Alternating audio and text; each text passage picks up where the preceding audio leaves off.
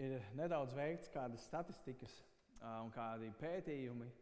Un tad šobrīd, ja mēs domājam par stresa līmeni, kas valda cilvēkos, tad ir tāds mērījums veids, kad pēdējo reizi kaut kas tāds tika redzēts Otrajā pasaules karā. Tas viss, kas notiek šajā brīdī pasaulē, un es domāju, visa pandēmija, kas atnāca un mums likās, ka, ja yes, tūlīt būsim izturējuši, ir atkal nākošais vilnis ar bažām un šaubām un visām tām lietām, kas notiek. Kādās valstīs šobrīd pašnāvību skaits ir augstāks nekā jebkurš cits nelaimes gadījums skaits, kādos cilvēki iet bojā. Pat kādās valstīs tas ir augstāks nekā teiksim, tik, cik cilvēki iet bojā autoceļu negadījumos, pašnāvību skaits ir lielāks. Un, um, un, un pašnāvību skaits ir pirmajās vietās daudzās valstīs. Kāpēc? Tāpēc, ka ir laba dzīve, tāpēc, ka laukā spīd saule vienkārši brīnišķīgi.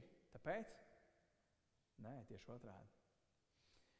Un, ja mēs apskatīsimies uz top stresa izraisītājiem, kas ir tas, par ko cilvēks streso, uztraucās, tad šeit ir vienkārši pieminējuši sešas lietas. Darbs, kāds pazīst, zina, ko nozīmē stresot darbā. Nauda, ka vienmēr ir sajūta, ka vienmēr kaut kas pietrūks un vajag vairāk. Veselība, kādēļ no jums tas ir reāli, nospiež sirdi un prātu un laiku. Attiecības ar vīru, ar sievu, ar bērniem, pusauģu bērniem, maziem bērniem, lieliem bērniem slikts uzturs, ar vien vairāk un vairāk. Nepavēlti, es domāju, jums sievām tieši par šo būs arī tēma. Un uh, informācijas pārplūde, īpaši pēdējos laikos. Informācijas pārplūde, tas, cik bieži un viegli mums ir pieejamas ziņas, kaut kas notiek Ukrajinā, pēc uh, vienas minūtes tas tiek nopaustots Facebook un visur citur. Mums viss ir pieejams deguna galā un informācijas pārplūde. Tad, tas ir tas, kas kopā visas šīs lietas, iespējams, ka pat kādiem ir visas šīs, uh, tu streso par kādām no šīm lietām visās sfērās. Tev satrauc vīrs, tev satrauc darbs, tev satrauc veselība, nauda ēdiens arī nav tāds, kāds tu gribētu, un plus viss tas, ko tu izlasi internetā, tev liekas vienkārši. Tāpēc šobrīd, šobrīd iespējams daudziem no jums ir jautājums, ko mēs uzdodam paši sev, kā lai vispār tālāk mēs dzīvojam. Kā ir iespējams neraizēties par to, kas notiek pasaulē? Kā nestresot? Redzot visu to, kas notiek pasaulē, dzirdot visu to, kas notiek pasaulē, lasot to, kas notiek pasaulē. Kā tas ir iespējams? Un šodien mēs mēģināsim apskatīties uz to, kā tas ir iespējams. Tāpēc, ka tas ir iespējams. Un mēs uh, lasīsim uh, pirmā raksturību, kur mēs apskatīsimies. Mēs būsim divās vietās, Vēstulē Filipiešos un Mateja Vangelī 25. nodaļā. Piedodiet, 6. nodaļā. 25. pāns būs.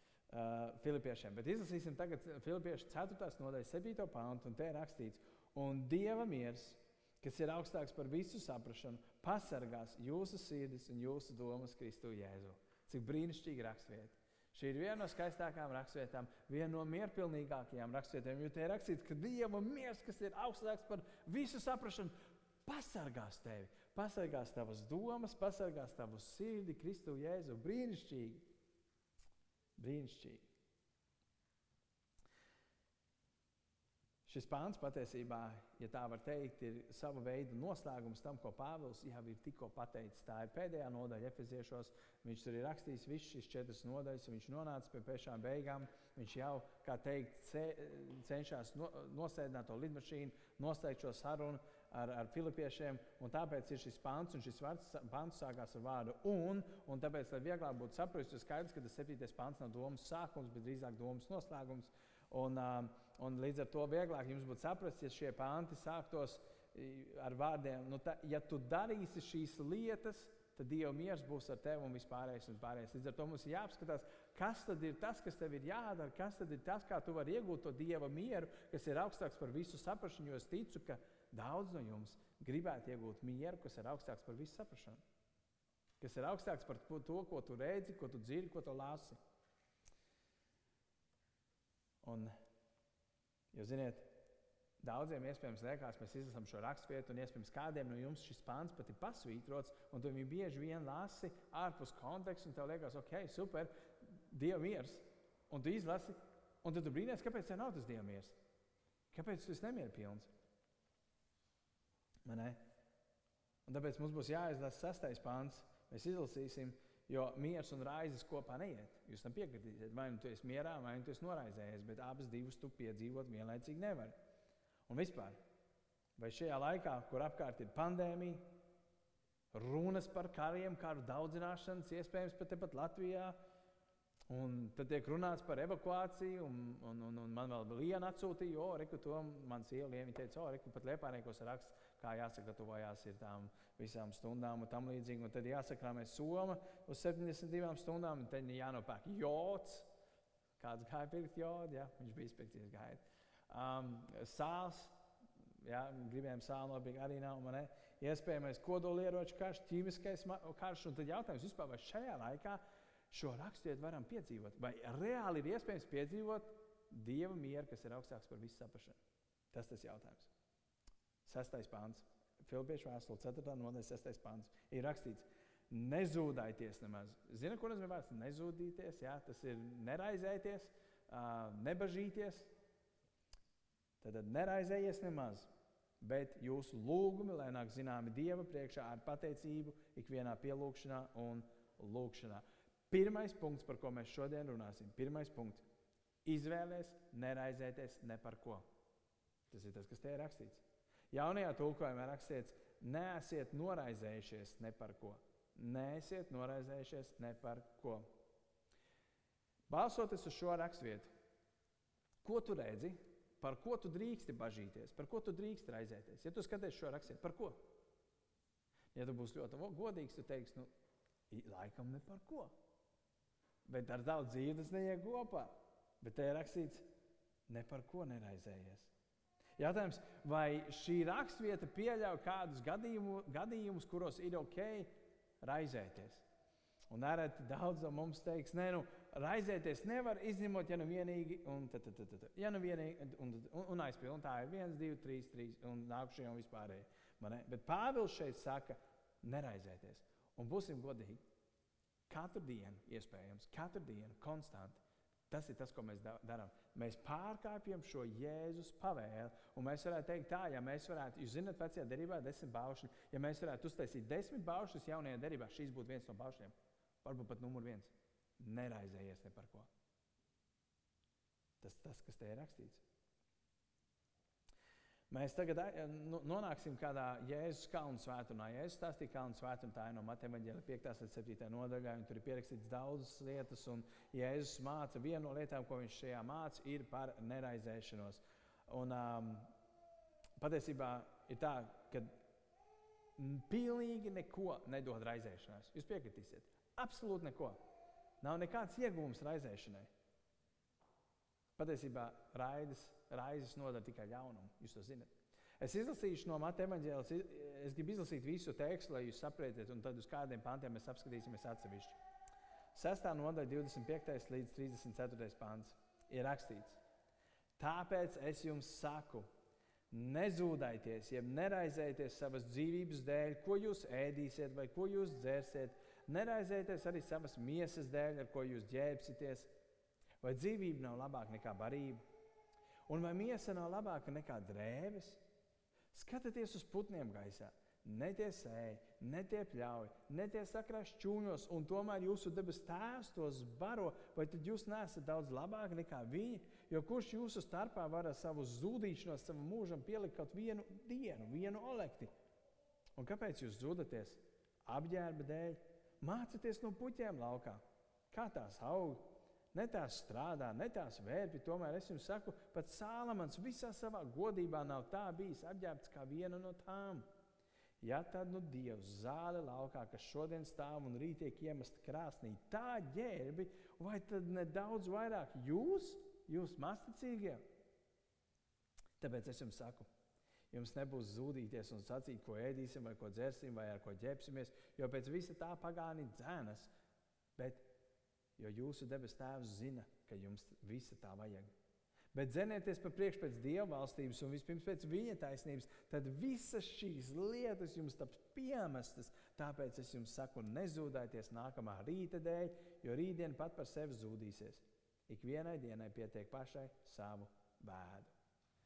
Es vēlos tagad apskatīties, ka mēs apskatītos uz 25. pantu, kur ir rakstīts, nezodēties savas dzīvības dēļ, ko ēdīsiet, ko dzersiet, ne arī savas miesas dēļ, ar ko ģērbsieties. Vai dzīvība nav labāka nekā barība, vai miesa nav labāka nekā drēbes. Raizēšanās problēmu nekad nepadara mazāku. Raizēšanās problēma vienmēr padara lielāku, jo tu sāc vairāk un vairāk domāt par to problēmu. Un būsim godīgi, jo vairāk tu domā, jo lielāka tā problēma šķiet.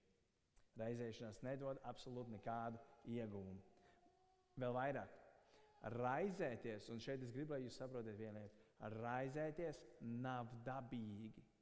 Jūs teiksiet, tas ir dabīgi raizēties. Tad, kad notiek situācija, nu, tu dabīgi raizējies, tu dabīgi uztraucies. Bet es jums pateikšu to, ka raizēties nav dabīgi. Un atkal šeit ir viena no lietām, ko mēs varam mācīties no maziem bērniem, par ko mēs domājam pagājušo reizi, ko mēs varam mācīties no maziem bērniem. Maz bērni neraizējās. Viņi raud, varbūt, kad viņam ir vajadzība, bet viņš neraizējās. Bērnam ir dabīgi neraizēties. Bet, ziniet, Mēs daudz pieaugušie teiksim, nē, tas ir ļoti dabīgi. Es nezinu, kā tas ir neraizēties. Es to, tas man vienkārši dabīgi nāk, es kaut ko izdzirdu, man es skrienu. Man tas nāk dabīgi laukā. Man kā no jums teiks. Bet redziet, tā problēma ir tāda, ka bērni kļūst vecāki. Ziniet, kas notiek? Viņi iemācās raizēties. A, nu, kā viņi iemācās? Nu, vispirms no mamām, pēc tam no tētiem. Un vienkārši viņi iemācās pa dzīvi raizēties. Raizēšanās nav dabīga. Tikai lielākā daļa no mums to esam iemācījušies. Un patiesībā daudz no jums esat kļuvuši par profesionāliem raizētājiem. Jūs esat profesionāli tajā. Jūs raizējaties par visu, par absolūti visu, par lielu, par mazu, par bērniem, par vīriem, par sevi, par laiku laukā, par visu. Jūs raizējaties absolūti par visu. Un dabā, izņemot cilvēkus, neviens neraizējās. Dzīvnieki neraizējās. Koki neraizējās, puķis neraizējās, zivis neraizējās. Un putni, kas lido ļoti ātri, ticamā, viņi nestiena un nesteidzās, viņi neraizējās. Viņus absolūti nekas nesatrauc. Vienīgais, kas raizējās no dieva radībām, ir cilvēks. Tas ir interesanti. Cilvēks ir vienīgais, kuram Dievs ir devis daudz ko, kas nav dots jebkam citam, un tomēr cilvēks ir tas, kurš raizējās par visu gandrīz. 26. pāns ir rakstīts, Skatieties uz putniem gaisā. Tad, kad šeit ir rakstīts, skatieties, un tad, kad viņš saka par puķiem, viņš saka, mācieties. Līdz ar to mēs šeit droši varam teikt, mācieties no putniem gaisā. Ne tie sēji, ne tie pļauj, ne tie sakrājas čūņos, un jūsu debesu tēvs tos baro. Vai tad jūs neesat daudz labāki nekā viņi? Es jums gribu iedot, es Lienai prasīju, vai mums mājās nav mīkstā mantiņa putna.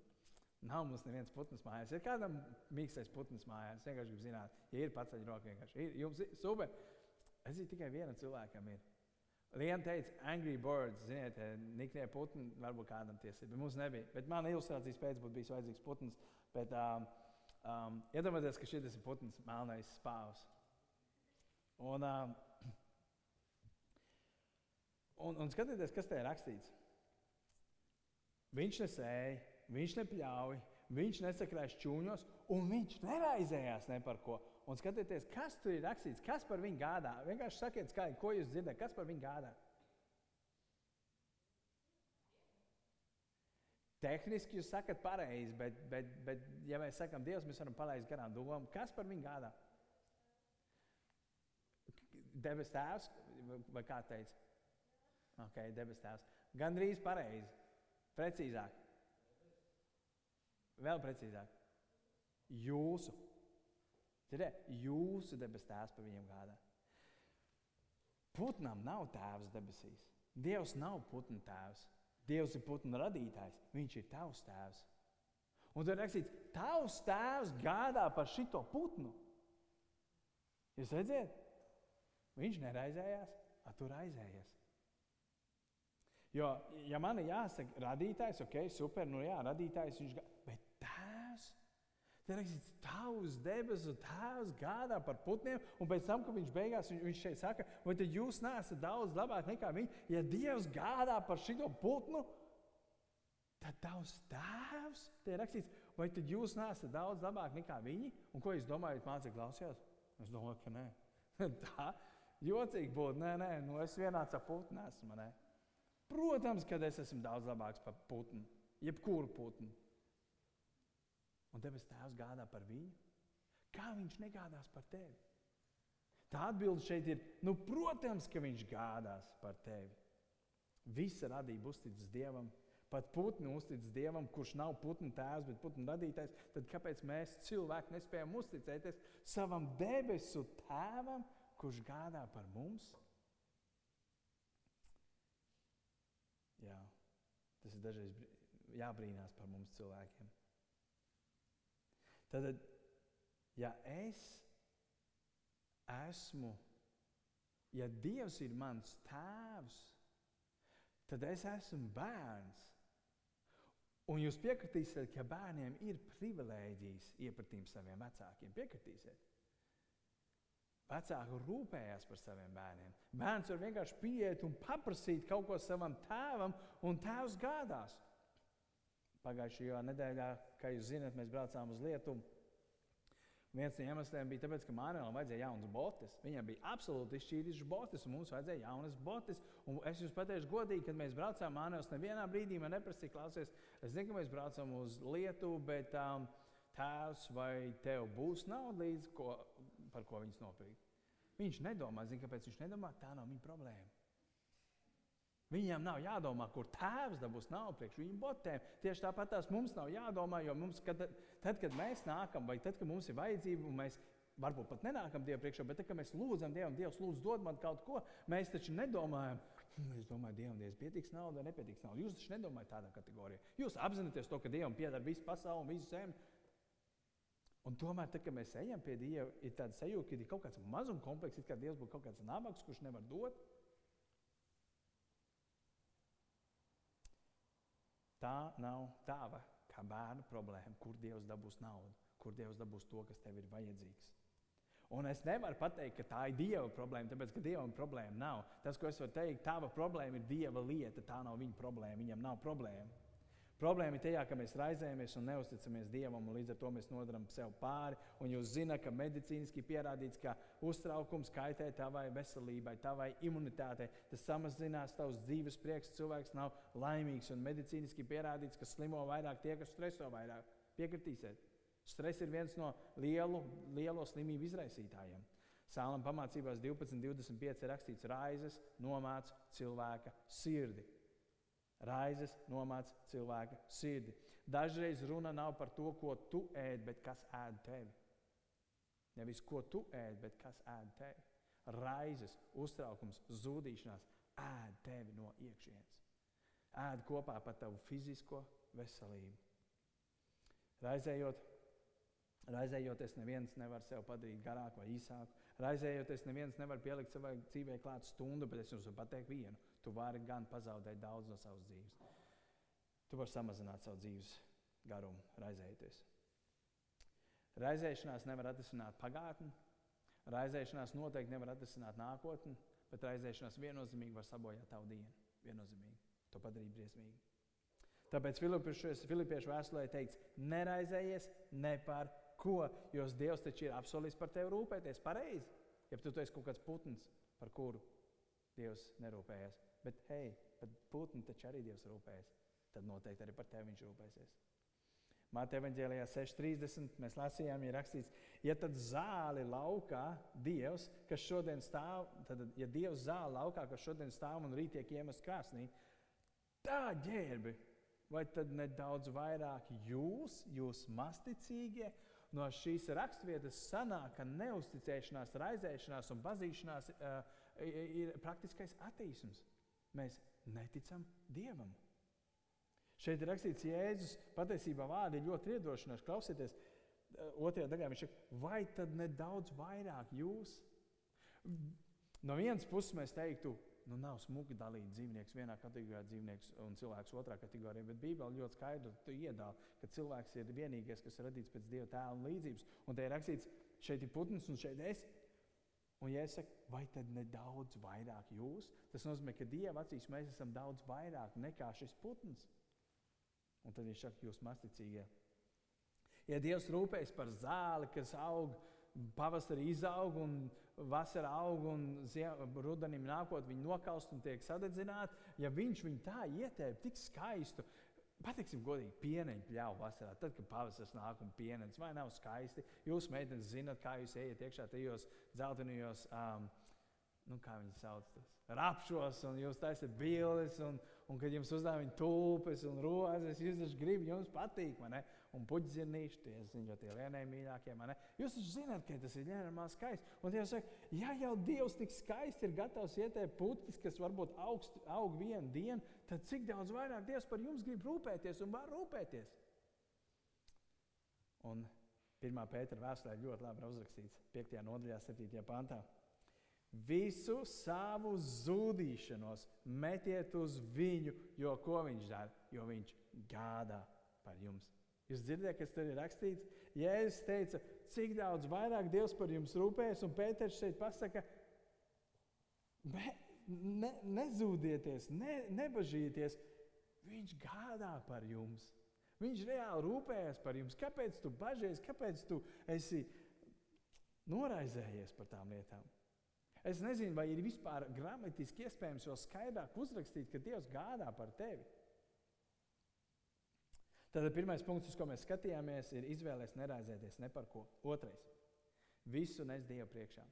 Jeb mēs varētu teikt, lūdz visu par Dievam, jeb par visu lūdz Dievu.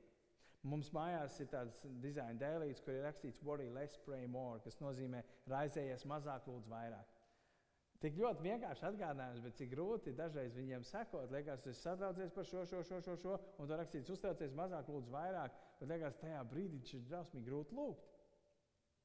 Kādiem no jums ir ļoti steidzami klausīties? Kādiem no jums ir ļoti steidzami jāpārstāj klausīties sevi, jāpārstāj klausīties savā bažās, jāpārstāj klausīties savā galvā, kas tev tur notiek. Tev ir jāpārstāj klausīties tajās raizēs, kas nāk no tevis laukā, un tev ir jāsāk klausīties tajā, ko Dieva vārds saka. Viņš rūpējas par jums. Viņš gādā par jums. Cik daudz vairāk tu nekā tas putns, cik daudz vairāk tu nekā tā zāle, kas šodien ir un rītdien tiek izmest laukā. Jums ir vairāk jāsāk sarunāties ar jūsu debesu tēvu. Aiziesim atpakaļ uz Filipiešiem, 4. nodaļu, 6. pāns. Ir rakstīts, nezūdaities nemaz, bet jūsu lūgumi, lai nāk zināmi Dieva priekšā ar pateicību ikvienā pielūgšanā un lūgšanā. Tad pirmā daļa, pirmais punkts, uz ko mēs skatīte, skatījāmies, ir ne, nezūdaities nemaz, jeb ne par ko. Un otrs ir, bet jūsu lūgumi, lai nāk zināmi Dieva priekšā. Tad otrs punkts ir, lai Dievs zina par visām tavām vajadzībām. Un nav jau tā, ka tu Dievu informē, tad, kad tu viņu lūdz. Patiesībā, tu lūdzot Dievu, tu demonstrē, kāda ir tava ticība uz Dievu. Tad, kad tu lūdz, tu viņam parādi, vai tu īstenībā tici. Un tu pats zini, dažreiz tu pielūdz Dievu, bet tev tāds - es tāpat zinu, Dievs, ka tu nedarīsi. Lūdzot, mēs parādām, vai mēs uz viņu patiesībā uzticamies. Ziniet, um, bērns savas vajadzības, es nezinu, nu, labi, ne visi ir vecāki un, un, un tam līdzīgi, bet jūs zināt, ka bērni nes savas vajadzības vecāku priekšā. Viņam vajadzīgs tas, viņš saka, hei, man vajag to, man vajag to, man vajag to, man vajag to. Viņš konstanti to vien dara, kā nes savas vajadzības priekšā. Es gribu ēst, es gribu to, es gribu gulēt, es gribu iet tur, o, man patīk šī tāds bots, nopēc man to. Viņš visu laiku nes šīs vajadzības priekšā. Un Jākab vēstulē 4.2 rakstīts, jums nav tāpēc, ka Dievu nelūdzat. Jums nav tāpēc, ka jūs Dievu nelūdzat. Un ir tāds teiciens, ja par kaut ko nav vērts lūgt, tad par to nav vērts raizēties. Ja par kaut ko nav vērts lūgt, tad par to nav vērts raizēties. Līdz ar to, ja ir lietas, par kurām tu raizējies, tad par viņām vajadzētu lūgt. Un es esmu pārliecināts, ja mēs lūgtu pietiekoši daudz par lietām, tad mums būtu daudz mazāk par ko raizēties, ja mēs nestu tās lietas Dievu priekšā. Pāvils mūs aicina. Pats Jēzus mūs aicina savas vajadzības nest viņa priekšā. Un es zinu, ka iespējams daudz no jums domājat, kā es varu zināt, ka patiešām Dievs grib atbildēt un man dāvāt to, ko es lūdzu. Es zinu, ka šajā brīdī iespējams daudziem no mums mūsu, mūsu vajadzības liekas sīkas un nenozīmīgas, un daudz no mums katru dienu tic lūdzu par Ukrajinu, lūdzu par to, kas notiek pasaulē un kam iet cauri cilvēku pasaulē. Un mēs iespējams daudz lūdzam par to, lai beigtos karš Ukrajinā un kādu lūdzu, lai karš nesāktos Latvijā. Tomēr tas viss ir atkarīgs no Dieva plāna. Jo, ziniet, no vienas puses man ir ļoti grūti, lai beidzās uh, lūgt, lai beidzās karš. Protams, cilvēcīgi mēs gribam, lai karš beigtos, lai krievi aizvāktos uz savām mājām, bet no otras puses, ne jau bez dieva ziņ, ziņas tas karš sākās. Tas ir pats galvenais, kas mums jā, jāpatur prātā. Tas nebija tā, ka Dievs bija aizņemts, viņš kaut ko remontēja, viņš atnāk atpakaļ un paskatās ekrānā, ak, šausmas, Krievs ir iebraucis Ukrajinā, un tad viņš ātri sauc savu armiju kopā un mēģina tagad savākt, ieviest kārtību. Tā tas nenotika. Neviens tanks nepārbrauc pāri robežai bez dieva ziņas. Jo ir rakstīts, ka tavi matus galvas skaitīt. Okay? Es saprotu, ka kādam jums ir grūtāk, man būtu diezgan viegli izskaidrot viņas, bet, bet Dievs zina visas sīkākās detaļas. Un mēs nezinām dažreiz, tās, ko un kā lūgt, un, un kāds ir Dieva prāts. Bet, ja pats Jēzus teica, ka būs kāri, būs kāri daudzināšanas, un es zinu, ka neviens no mums negrib piedzīvot kāru un negrib iet tam cauri, un tomēr būs kāri, kuram būs jāiet cauri. Un, un, un es zinu, ka tā, um, ziniet, tas, par ko mēs varam lūgt, saistībā ar kāru, saistībā ar Ukraiņu, saistībā ar pandēmiju, jā, cilvēki mirst. Jā, mēs redzam, kā lietas tiek uzspridzināts, un, un, un, un, un nevainīgi cilvēki iet bojā, un nu, jau tie skaiti iet tūkstošos, un, un ir ļoti grūti. Bet tas, ko mēs varam lūgt, lai visā tajā smagajā, grūtajā, ciešanu pilnajā kara laikā cilvēks sāk meklēt Dievu.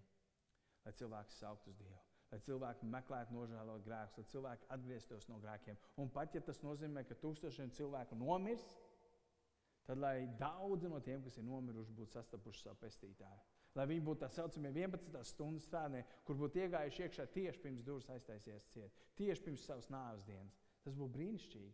Tas ir tas, par ko mums ir jālūdz. Jo mēs jau varam lūgt un paskat, paskatīsimies, tas putns par to man ir pienācis. Paskatīsimies, kas notiek, ja mēs skatāmies pasaulē un vispār, ja mēs paskatīsimies, kas notiek Latvijā. Bija kāda laika, bija Dievs aizliegts, un viss tās komunisms pārējais. Pēc tam Latvija atguva atpakaļ, un cilvēki bija uz baznīcām. Baznīca bija pārpildīta un milzīga, un balkoni pilni, un simtiem pat tūkstošiem cilvēku apmeklēja dievkalpojumus. Ziniet, kas notika? Dzīve palika vieglāk, palika labi. Nebija vairs jāraizējas, nebija vairs karš, nebija vairs pretinieks, un tanki pie ielām nebrauc. Palika labi. Baznīcas ir tukšas. Un es nezinu, varbūt kāds bībeles pētnieks, ne bībeles, bet nu, kāds, kurš ir pētījis, es domāju, tik tukšas baznīcas, cik ir tagad, es nezinu, kad viņas bijušas Latvijā un arī daudz citur pasaulē. Un no vienas puses gribētu teikt, ja ir vajadzīgs karš un satricinājums un pandēmija, un varbūt tās apsolījums, ka varbūt tas tūlīt Krievs iebrauks Latvijā, ja tas tevi, un labi, mēs kristieši varbūt tas, bet ja tas tavs kaimiņš, tavs radinieks var vest uz baznīcu, super! Slāva Dievam! Man ir prieks redzēt, ka pandēmijas laikā cilvēki nāca pie ticības, kad viņi saprata, ka viss jūg un brūk. Labi. Kā es varu zināt, ka Dievs grib par mani gādāt, un kā es varu būt drošs, ka man nav par ko uztraukties? Man liekas, brīnišķīgi rakstīt, rakstīt Romiešu vēstulē, 8. nodaļā, 32. pāntā rakstīts, Viņš tas ir Dievs, jau sava paša dēlu nav audzējis, bet to par mums visiem nodevis nāvē. Kā tad viņš līdz ar to mums nedāvinās visas lietas? Es gribu, lai mēs paskatāmies līdzi šīs raksturvietas loģikai un plūdumam. Pirmais ir tas, ka te ir rakstīts, ka Dievs nav audzējis savu dēlu tevis dēļ. Viņš nav audzējis savu dēlu manis dēļ. Kāpēc? Ko tas nozīmē, ka viņš nav audzējis savu dēlu? Ko tas nozīmē? Tas nozīmē, to, ka viņš bija gatavs tevi iegūt savā īpašumā, nesaudzēt savu dēlu, lai tev tavu grēku var būt piedoti. Un tagad, kad tu viņam esi uzticējis savu dzīvi, kad tu esi iegūst mūžīgo dzīvību, Ja no Dieva perspektīvas, ja mēs skatītos tagad, kad Dievs ir ieguvis tevi savā īpašumā, un Viņš tev ir devis pašu lielāko, ko Viņš var dot, ir mūžīgo dzīvību, jo tā vislielākā vajadzība šīs zemes ir mūžīgā dzīvība. Ja Viņš nav audzējis savu dēlu, citiem vārdiem sakot, ja Viņš nav audzējis pašu dārgāko, kas viņam bija, un Viņš tev deva, lai tevi iegūtu, tad kā lai Viņš tev nedāvina visu pārējo? Pāvils saka, pasakiet man, kā? Viņš saka, es gribu dzirdēt jūsu argumentus. Nu, man nav ko teikt. Kad es izlasu šo rakstītu, es īstenībā ieraugu, kā viņš līdz ar to mums nedēvēs visas lietas. Es jūs ieraugat to, ka pats dārgākais, pats lielākais, ko Dievs tev varēja iedot, tev varbūt tas šķiet, ka tev šobrīd ir finansiāls grūtības, vai veselības grūtības, vai vēl nezinu kādas grūtības. Tev liekas, ka tas ir pats pats lielākais, bet gribu, lai tu saprotu to, ka tava vislielākā problēma bija grēks. Un ja tu vēl neesi nožēlis savus grēkus, tava vislielākā problēma ir grēks. Un tev viņš ir jānožēlo. Un Dievs ir sūtījis savu dēlu, lai tad, kad tu nožēlo ticēdams Jēzus Kristu, tev var būt piedots. Un ja viņš tev ir iedevis to, viņš tev ir ielaidis debesīs, tad kā lai viņš tev nedod vispārējo? Ja viņš par putniem rūpējas, viņš par zāli rūpējas, kā viņš nerūpēsies par tevi? Tas ir brīnišķīgi.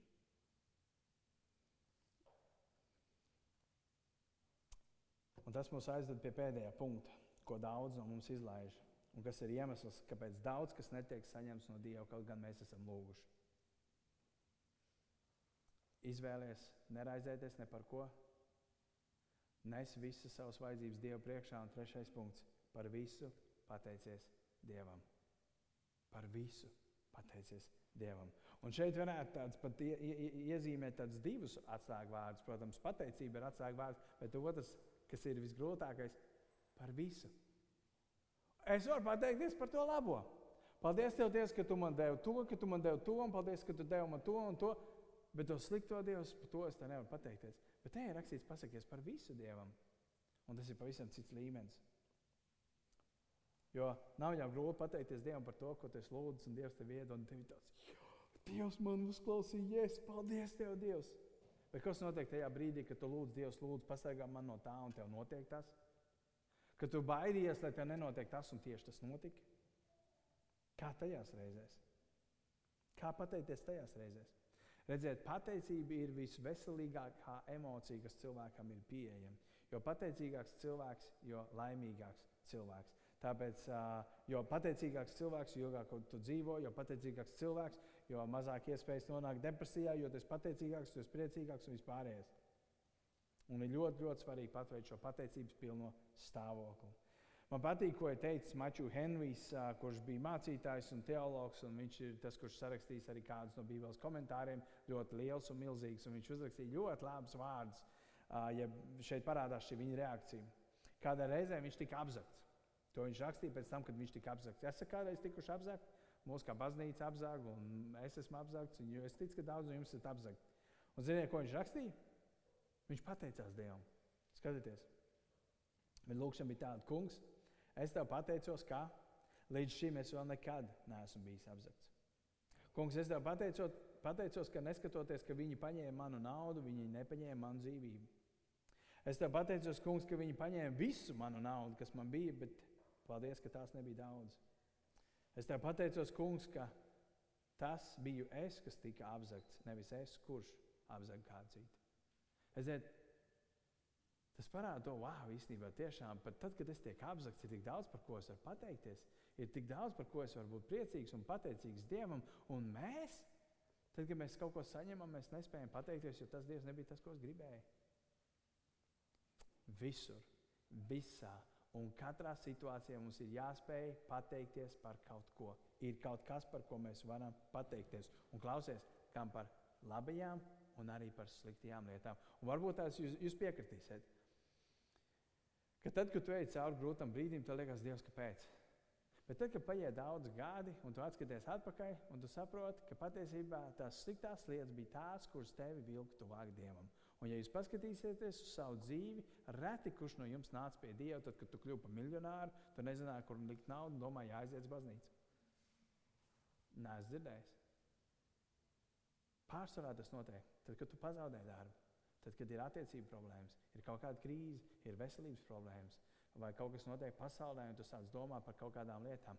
Tas viss tevi velk tuvāk Dievam, kurš rūpējas par tevi. Un tagad balstoties uz to, ko mēs lasījām Mateņģēlī, es gribu iedot kādu praktisku soli. Mēs lasījām, lai neraizējamies, ko ēdam, vai ko dzeram, vai ko vēkam mugurā. Tātad šī rakstu vieta mūs aicina uz divām lietām. Neraizējies, ko tu liksi vēdā, un neraizējies, ko tu vilksi mugurā. Tad divas lietas, ko nedarīt. Un tagad es jums iedošu divas lietas, ko darīt tā vietā. Neraizējies, par ko tu vilksi, neraizējies, ko tu ēdīsi, un pateikšu, ko jums darīt. Matei 6,33. Bet dzenies pa priekšu pēc Dieva valstības un pēc viņa taisnības, tad visas šīs lietas jums taps piemestas. Tik vienkārši. Tā vietā, lai raizētos, tā vietā, lai bažītos, ko ēd, ēdīs un ko tu dzērsi, dzenēs pēc dieva valstības un dzenēs pēc dieva taisnības. Tad tās lietas, par kurām tu šobrīd iespējams raizējies, tev tiks piemestas klāt bez tava paša nopelna. Un tāpēc 127. psalmā, 2. pantā rakstīja tādu vārdu: Ir vēl tikai jūs agri ceļaties un vēl paliekat nomodā un ēdat savu maizi ar rūpēm, jo saviem mīļajiem viņš to bagātīgi dod miegā. Šeit ir pateikts to, ka Kāda jēga, ka tu ej uz. Labi. Es saprotu, ka varbūt sezonas un kaut kāda mirkļa, bet būsim godīgi. Dievs negrib, ka tu celies ļoti agri no rīta, lai strādātu pirmo darbu, un tad tu skrieni uz otro darbu, un tu ej vēl vakarā guļo, gulēt, un tu esi pārgājis, tu esi piegusis, un tu saki, ah, Dievs, palīdz man lūdzu izturēt nākamā dienu. Un tu atkal ej, tu visu dari savos spēkos, un tu esi nobežies, un tu knapi spēj samaksāt rēķinus, tu knapi spēj uzlikt maizi uz galda, un tev liekas, Dievs, ir tik grūti. Un te ir rakstīts, ir velti. Kāda jēga, ka tu to dari? Un te ir pamatojums, jo saviem mīļiem, saviem bērniem Dievs to bagātīgi dod miegā. Ko nozīmē bagātīgi dod miegā? Tas nozīmē to, ka bez jūsu pašu piepūles Dievs to dod. Līdz ar to tev ir divas izvēles ikdienā.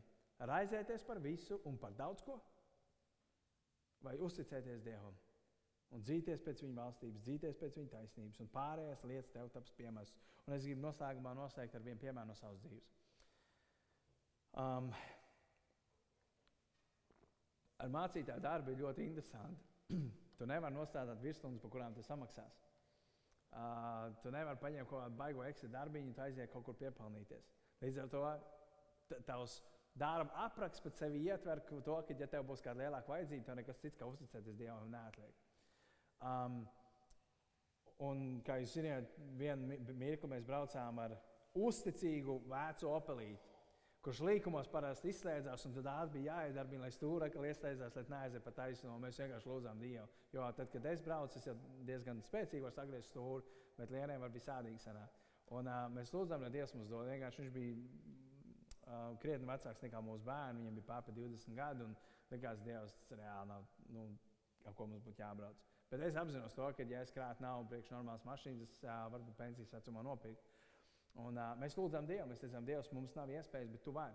Tas ir tas, par ko es runāju. Es jau varēju, it kā varbūt vēl vienu darbu paņemt un mēģināt sapelnīt, bet tas būtu vēl jūs saviem mīļajiem, viņš to dod miegā. Līdz ar to es gribēju, lai Dievs man dod miegā mašīnu. Un Dievs mums dāvāja, un mums amerikāņi atsūtīja. Tas bija interesanti patiesībā.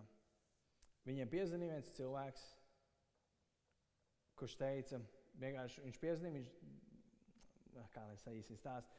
Tur bija vairāk mācītāji, bet viņš pasauca to vienu mācītāju, kurš pazina mūsu un kurš zināja par šo mūsu vajadzību. Un šis, šis cilvēks saka, es gribu noziedot naudu konkrētam mērķim.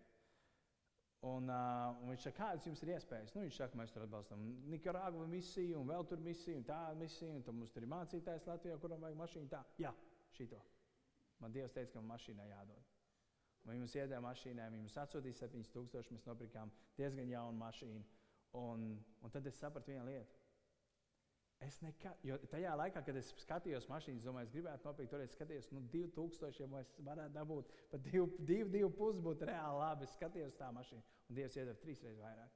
Viņš teica, tas būs labāka mašīna. Es nekad nebūtu varējis sakrāt tādu naudas summu, lai nopirktu savu mašīnu bet saviem mīļiem viņš to dod miegā. Vienkārši tas bija viens piemērs, ko mēs esam piedzīvojuši savā dzīvē, kas parāda to, tu vari aizēties, tu vari dzīties pakaļ maizei, tam, ko tu ģērbsi, tam, ko tu ēdīsi, tam, ko tu dzērsi. Saviem mīļiem viņš to dod miegā. Dzēnies vispirms pēc Dieva valstības, viņa taisnības, tad pārējās lietas taps piemests. Tas ir princips, kas strādā. Un Mateja 6,33, ko mēs lasījām, dzenēs vispirms pēc dieva valstības, dieva taisnības, un pārējais lietas taps piemests. Tas ir bijis mans dzīves pāns, pēc kur mēs esam dzīvojuši. Jo tagad, kad mēs atbraucam no īrijas, mēs nezinājām, kā mēs dzīvosim. Mēs uzticējāmies. Es esmu vienmēr pieturējies. Es esmu pieturējies, es pateicu, Dievs, es nezinu kā, bet es zinu, ka tu gādās. Un šajā laikā, kad es domāju par to, ne beigt no Latvijas projām, ja nāks karš vai ko darīt tam līdzīgi, Es to izplānoju savā prātā, visu kaut ko, bet man ir absolūts miers. Absolūts miers. Man pat nesatrauc to, ka kaut kāds uh, atomu karš sāksies vai kaut kas tamlīdzīgs. Man tas nesatrauc. Zin, jūs teiksiet, o, oh, iedomīgs vai nezinu, vienaldzīgais. Nē, Bībele saka, neraizēties. Kāda jēga man raizēties, ja būs kritīs, nekritīs? Es nevaru savu raizēšanos pielikt nevienu dienu savai dzīvei. Ja man jāmirst 35 gados, es miršu. Un ja man nav jāmirst, es nemiršu. Jūs visi varbūt mirsiet, bet es nemiršu, ja man nav jāmirst. Jūs saprotat, ko es domāju? Un tas ir tas, ko es gribēju atcerēties šajā rītā. Neraizēties par ēdienu vai apģērbu, bet mācieties no put, putniem un puķiem, kuri paši nespēja absolūti neko, bet tavs debes tēvs par viņiem gādā. Tavs debes tēvs par viņiem rūpējas. Bet zinies vispirms pēc dieva valstības un taisnības, tad visas pārējās lietas, par kurām tu iespējams šodien satraucies, taps tev piemestas klāt. Trīs lietas. Izvēlēties neraizēties. Tā ir tava izvēle. Izvēlēties šodien, ka tu no šodienas par vienu no lielajām raizēm, par ko tu raizējies, izvēlēties šodien. Tad, kad mēs līdz dziedāsim pēdējo dziesmu, jūs meitenes varat droši nākt, tad, kad mēs līdz dziedāsim pēdējo dziesmu, dziesmas laikā pasakot, Dievs, šo raizi es izvēlos atdot tev. No šodienas es par to vairs neraizēšos. Visu nes Dievu priekšā, otrais un trešais pateicies Dievam. Un tu piedzīvos milzīgas pārmaiņas savā dzīvē. Tu piedzīvos milzīgas pārmaiņas.